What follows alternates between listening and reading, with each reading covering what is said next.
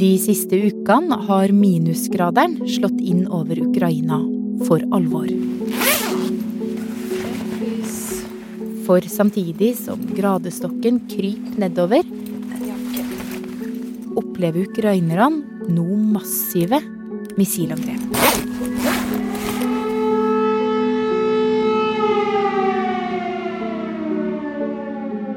Og landet rigger seg nå for vinterkrig. Men hva betyr egentlig det? Det begynner å bli mørkt, og det er satans kaldt. Du hører på Forklart fra Aftenposten, og jeg er Marit Eriksdatter Gjelland. I dag er det fredag 9. desember, og Gina Grieg Risnes er med oss fra Kyiv.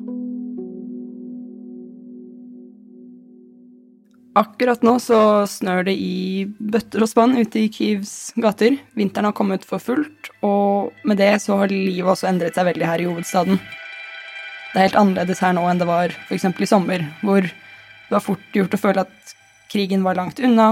Eh, man kunne ha en ganske normal, normal hverdag. Men nå har det endret seg etter at eh, Russland begynte å angripe infrastrukturen i Ukraina 10. Så store deler av infrastrukturen har blitt ødelagt. Det, er, eh, det har rammet eh, strømmenettet, eh, vanntilførselen og i deler av landet også varmeanlegg. Så det vi vet nå, er at rundt halvparten av energisystemet i Ukraina det er ødelagt. Og grunnen, det er jo alle de her russiske angrepene vi har sett i det siste. Altså de her enorme missilangrepene som har ramma hele Ukraina. Ja, og konsekvensen av det er en helt ny og innmari vanskelig hverdag for folk her i hovedstaden og i resten av landet. Vi har mange eksempler på det. Det er både store utfordringer og små utfordringer. F.eks. for eksempel er det blitt mer vanskelig å bare krysse gaten når det er strømbrudd. Særlig det blir mørkt her i femtiden, men det er jo fortsatt mye trafikk og folk som er ute i byen. Eh, hvis du skal over veien, så funker ofte ikke trafikklyset, så da er det om å gjøre å håpe at bilene ser deg i mørket mens du, mens du løper over veien. Ok, nå skal vi krysse veien. Det er lettere sagt enn gjort, fordi det er strømbrudd i gaten, så gatelysene fungerer ikke.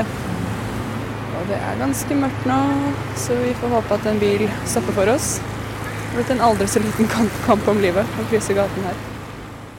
Um, så vi har en, vi har en haug av lignende eksempler på små ting i hverdagen som blir til store utfordringer når, når strømmen forsvinner. F.eks. For hjemme i leiligheten min, når jeg kommer hjem, så ser jeg at det er strømbrudd idet jeg kommer inn døren, fordi inngangslåsen er elektrisk. Man må slå inn en kode for å komme inn. Men den funker da åpenbart ikke under strømbruddet, så da stø, står døren på gløtt, og så er det bare å, å gå inn. Oi, så eh, fritt fram for alle og enhver, da, egentlig? Ja, i, i teorien. Men eh, så da jeg kom hjem for ikke, for ikke så lenge siden, så satt det en, eh, en, det som så ut til å være en hjemløs mann i gangen og varmet seg på en flaske vodka.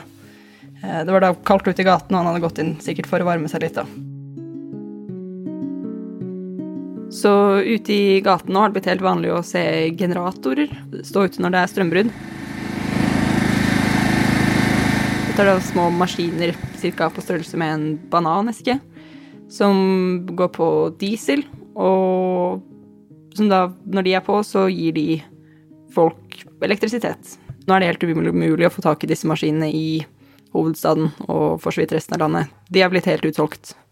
Så disse generatorene har blitt helt avgjørende for at folk skal komme seg gjennom hverdagen.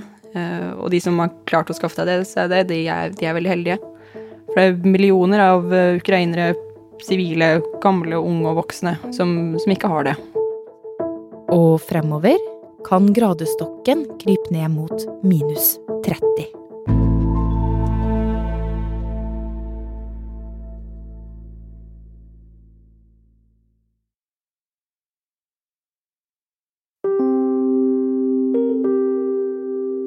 Så borgermesteren her i Kiev han har uh, advart om at vinteren Ukraina står overfor nå, kommer til å bli den vanskeligste og tøffeste siden andre verdenskrig. Det er viktig å huske på at her i landet så bor det jo 40 millioner mennesker, så det er mange som går en veldig vanskelig hverdag i møte nå med vinteren. Samtidig så er det en, en backup-plan. Det, det, er mange som ønsker å bli her eh, i landet så lenge de kan. Og for å klare seg enn så lenge, så betyr det at de må finne noen lyspunkter i det som ellers er i ferd med å bli en ganske bekmørk hverdag. Hvordan gjør de det, da? Der eh, kommer jo generatoren inn igjen, da. For litt siden så var jeg på rave her i Kiev. På rave? En, eh, en skikkelig fest i en liten falleferdig fabrikk her i hovedstaden. Mange av de unge jeg møtte der, de eh, sa at det å feste nå, det, det var en slags distraksjon fra, fra, hverdagen og fra krigen. Så folk danset rundt ikledd eh, balaklava dekket med perler, i bare overkropp med BDSM-lær. Danset vilt til, til teknomusikk, og på et tidspunkt så, så, forsvant strømmen. Så det ble helt stille, helt mørkt, og folk eh, ropte i forferdelse og sa å nei. Så et par minutter senere så kom musikken tilbake, lyset ble skrudd på igjen, og det var da takket være en generator. Så, så, der inne var det en helt spesiell stemning. Den var uh, noe helt annet enn det vi ser ute på gaten i Kyiv. Det var unge som danset og festet som om de ikke hadde en eneste bekymring i verden, når det motsatte selvsagt er, er sannheten. Men der kunne de, i hvert fall for et par timer, da, bare danse og feste og, og, og late som om livet var noenlunde normalt. Festing i krig er faktisk ikke så unormalt. Det er heller en slags overlevelsesmekanisme for enkelte. En måte å få en pause fra frykt, redsel og usikkerhet. Under borgerkrigen i Syria klubba f.eks. folk i Damaskus til langt på natt, sjøl om IS sto fem kilometer utenfor bygrensa og kunne angripe når som helst. Og i dagene før Hitler-Tyskland og Berlin falt under andre verdenskrig, var fortsatt nattklubbene full av folk. Eller da Titanic sank, og orkesteret fortsatte å spille. Nå er det ukrainerne som har kniven på strupen. Uken som har gått nå i Kyiv har vært litt spesiell. Det var ganske høye skuldre en periode. Folk holdt litt pusten og ventet på at dette neste angrepet skulle komme. Og det kom jo da på mandag. Da sendte sendte Russland nok en gang massevis av missiler inn i Ukraina. Eh, men her i Kyiv beholdt folk roen. De gikk ned i metrostasjoner og inn i bomberom. Eh, og holdt roen der. Der fortsatte de, fortsatte de hverdagen sin. De tok med seg PC-er, så de kunne sitte og jobbe. De tok med seg bøker. Eh, noen hadde med strikketøy. Og så er det klart folk er redde når, når denne typen ting skjer, men men de gjør en ja, usedvanlig god jobb med å, med å, bevare roen. Så nede på metroen på mandag så var det en ung mann som dro fram en gitar og begynte å spille musikk. Og da var det folk som stilte seg i ring rundt for å, for å høre på det.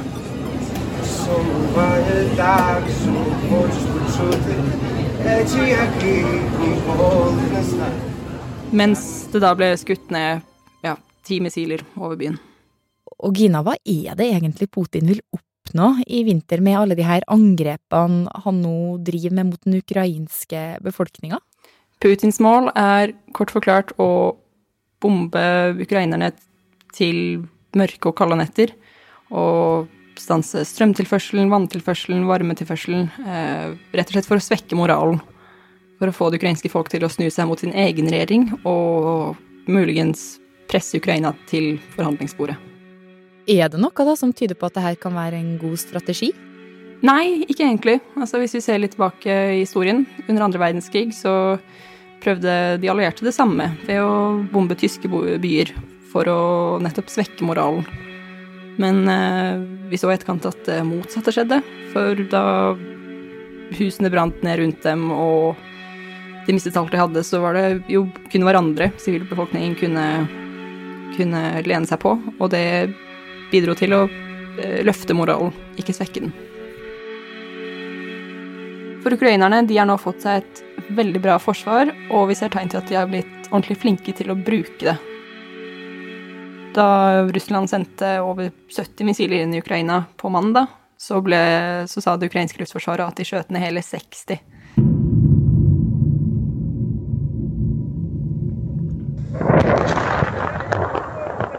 Есть, бля, родне моя, а ты, суку! Det er, eh, det er ganske oppsiktsvekkende.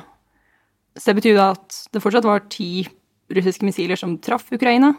Og det høres kanskje ikke så mye ut når, det var, når muligheten var at over 70 kunne treffe. Men selv de ti som kom igjennom, de gjør innmari stor skade. Eh, og så er jo det store spørsmålet hvor lenge Russland kan fortsette med disse angrepene. I flere måneder så har vi hørt rapporter om at uh, Russland er i, er i, ferd med å gå tomme for våpen, særlig i missilene de bruker under disse angrepene. Uh, så det har kommet beregninger på at Russland kun har kapasitet til å gjennomføre ca. Ja, tre-fire nye sånne massive missilangrep. Uh, om det stemmer, det, det, vet vi ikke, for vi får fortsatt rapporter om at Russland jobber med å lage nye missiler Eh, i landet. Og jobbe på spreng for å, for å bygge opp våpenkapasiteten igjen. Og i tillegg så skjedde det noe helt nytt denne uken som vi ikke har sett maken til siden, siden krigen begynte. Da ble to militære flyplasser dypt inne i Russland bombet. Og det førte til at russiske bombefly ble ødelagt og satte dem ut av spill. Og Russland mener at det definitivt var Ukraina som sto bak dette angrepet. Og det Eh, sier ikke Ukraina rett og ut at de gjorde, men, eh, men vi har sett tegn til at, at, at, det kan ha vært de som sto bak. Så det er uklart hva som kommer til å skje fremover med de russiske missilangrepene. Det, mange venter at nye angrep vil komme, men det er helt umulig å si hvor lenge eh, Hvor mange flere. Og samtidig så blir jo Ukraina flinkere til å, til å til å motverge angrepene som kommer. Eh, men det er viktig å huske på at uansett om det blir færre angrep fremover, så har de angrepene som allerede har funnet sted, gjort enormt stor skade. Og Zelensky, han ber det ukrainske folk forberede seg på en innmari hard vinter.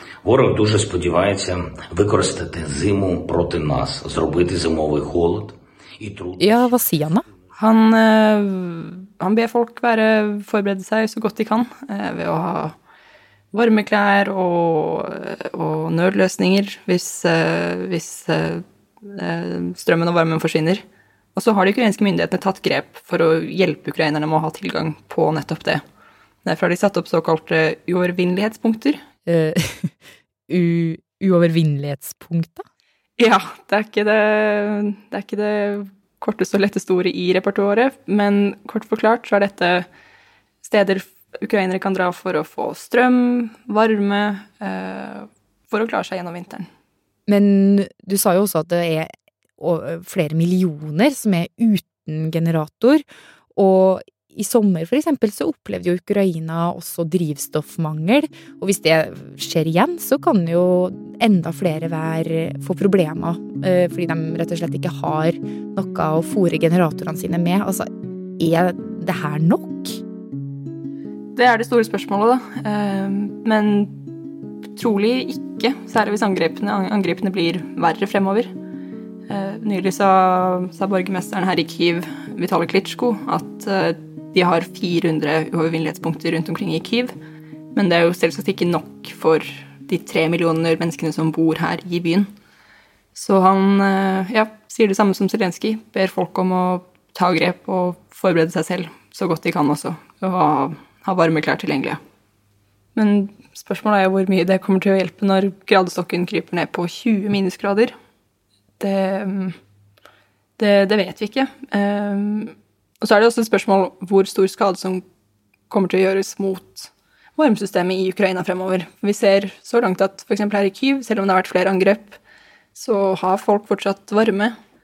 Um, men hvis det blir verre og og varme forsvinner her i hovedstaden, så er det mange som tror at de fleste kommer til å flytte ut av hovedstaden. Og f.eks. ut på landsbygden, til familie eller venner, eller leiehus der, eh, hvor de f.eks. kan ha ja, peiser og varme opp husene på den måten. Hm. Så det blir en kamp om overlevelse, da? Ja, definitivt.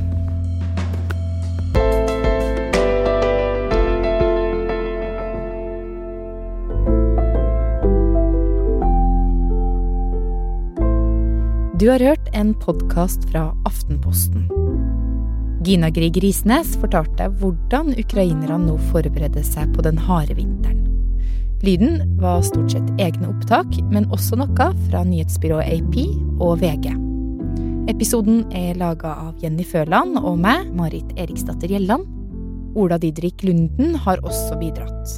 Resten av Forklart er Synne Søhol, David Vekoni, Anne Lindholm, Fride Næss Nonstad og Anders Weberg.